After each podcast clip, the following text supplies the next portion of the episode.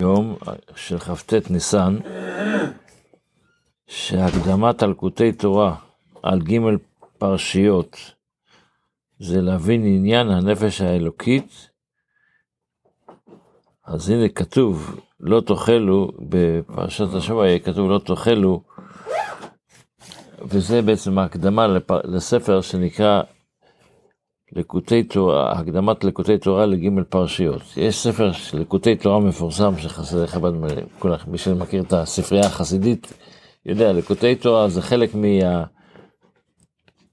מהפירוש של פרשיות, על פרשיות התורה של אדמו"ר הזקן. החלק הראשון נקרא תורה אור, והחלק השני נקרא, נקרא לקוטי תורה. אבל יש גם מה, ש, מה שנקרא בספרייה החסידית, הקדמה ג' פרשיות של לקוטי תורה, שזה בכלל ספר אחר. הוא לא מודפס, הוא הודפס פעם אחת, אבל הוא לא מודפס יותר. מוד... אבל המאמרים שלו נתפסים בספר אחר שנקרא, בסדרת ספרים שנקרא תורה אור. אה, אור, אור התורה, סליחה. אבל הרבי מתייחס לספר הזה, שזה ספר, אז בספר הזה, הרבי כותב, זה בעצם מאמרים, יש לזה היסטוריה קטנה. עוד מעט אולי אני אסביר את זה, אבל... אבל uh, האדמו"ר הזקן אמר, המאמרים של קוטעי תורה זה מאמרים שהאדמו"ר הזקן אמר במשך השנים שהיה אדמו"ר.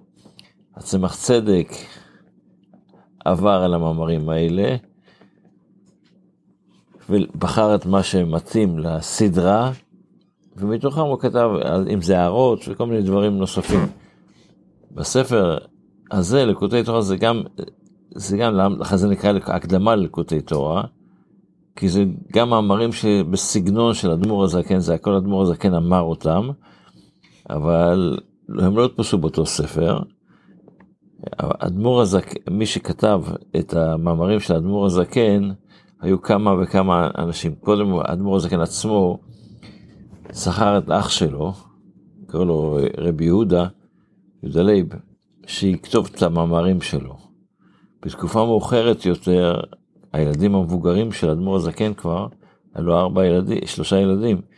היה לו את האדמו"ר האמצעי, והיה לו את רב מוישה, והיה לו עוד בן. אז הם היו כותבים את המאמרים. בנוסף ל, ל, לדוד, ל, ליהוד, ל, בתקופה יותר מאוחרת אפילו הצמח צדק, מגיל מאוד צעיר התחיל לכתוב את המאמרים של אדמו"ר הזקן עם הערות. אז פה הרבי כותב שאת המאמר הזה, אה, להבין עניין נפש הבמית, הוא מאמר שאמר אדמו"ר הזקן לפני הצמח צדק, הוא קרא לצמח צדק ליחידות, ואמר לו את המאמר הזה.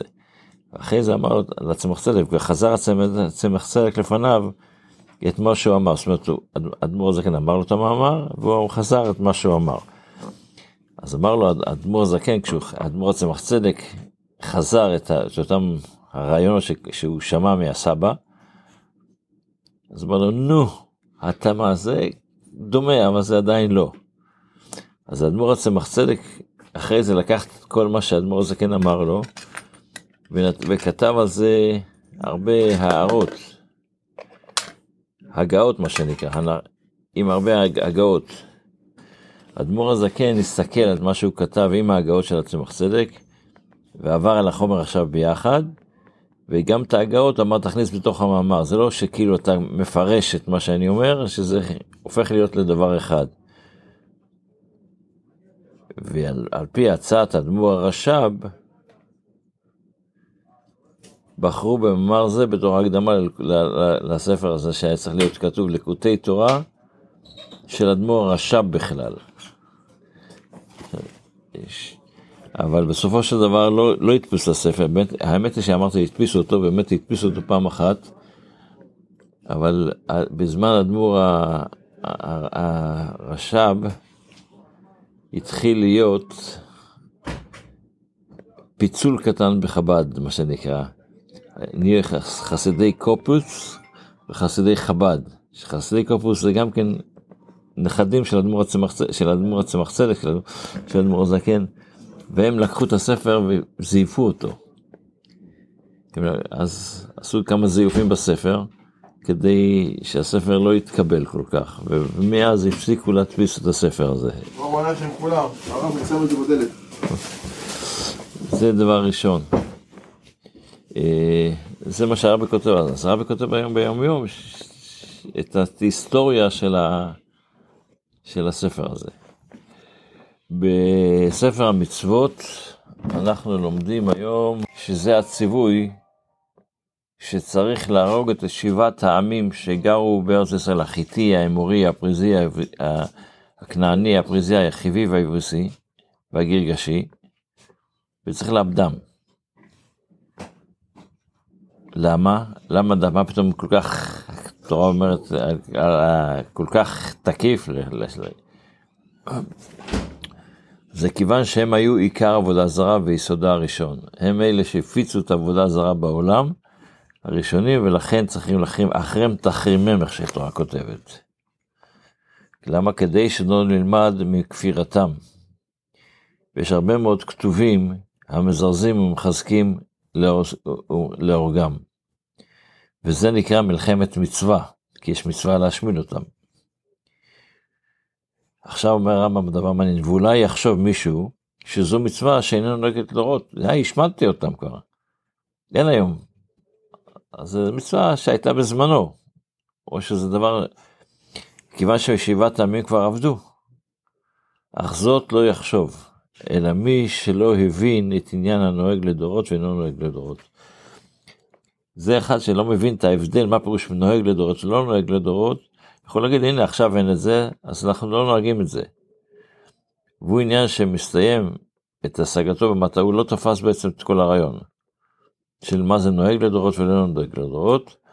רק מה בעצם זה מצווה שקיימת גם היום, גם בתקופת הרמב"ם, שזה היה אלפיים, יותר משלושת אלפים שנה יותר מאוחר, מה, או 2,500 שנה אחרי, אחרי כניסה לארץ כבר, גם אז המצווה הזו קיימת. ונותן לזה דוגמה, כמו שכתוב, מחות תמחה את, את זכר עמלק.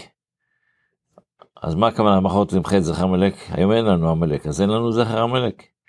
היות שיש בעניין הרוחני עמל לזכר עמלק, אז המצווה קיימת לדורות, זה, זה כמו, יש, יש את עמלק הג, הגשמי, הפיזי, ויש את עמלק הרוחני, שאנחנו, שנמצא אצל כל אחד מאיתנו. אותו דבר גם בשבעה עמים, יש את עמלק הרוחני. בחסידות מוסבר שעמלק, השבע עמים האלה שאנחנו מדברים עליהם, זה בעצם, השבע עמים האלה הם בעצם השבע מידות שלנו. ויש לנו מידות של היצר הטוב, ויש לנו מידות של יצר הרע. אז השבע עמים זה מידות של יצר הרע. אה, מה? זה משהו אחר, זה כשמשיח יבוא, אז נוכל להבין שזה לא, זה שלושה של, של חב"ד, מה שנקרא חוכמה בן הדעת. זה כבר לא מידות, זה כבר הבנות. שזה דבר בפני עצמו, המידות זה הרגשות שלנו. אז יש רגשות של, של, אה, של עולם הזה, יש לך לא יש רגשות, אם אני לא כובש אותם והופך אותם לחלק מעבודת השם שלי, זה לא שם, זה, זה נקרא לש, לאבד את, ה, את, ה, את השבע עמים עכשיו. קראתי איפשהו שזה אומר כאילו היום אנחנו צריכים לעבוד כאילו היום, כאילו כל מה שאנחנו צריכים לעבוד זה גבוהה, חסד ותפארת, שכאילו אבותינו. אנחנו עכשיו בספירת העומר אז אנחנו עובדים על כל המידות. כן. אז יש כזה דבר של המידות, זה צריך לעבוד עליהם, זה, זה, זה השבע עמים בעולם, במושג הרוחני של העניינים.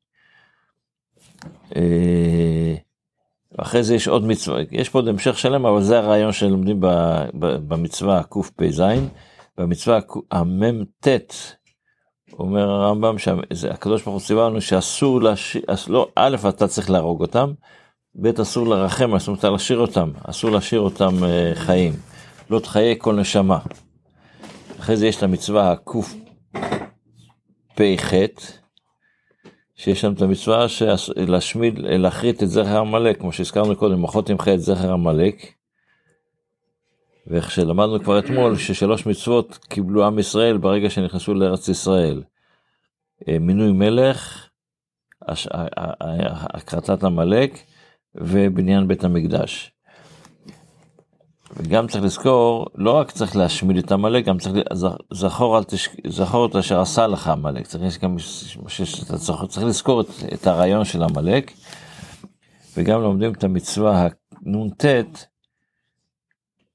שאסור לנו לשכוח, אל תשכח את אשר עשה לך עמלק. זה המצוות שלומדים היום בספר המצוות, כמובן יותר באריכות, אבל בתפילה אנחנו עדיין בקווה.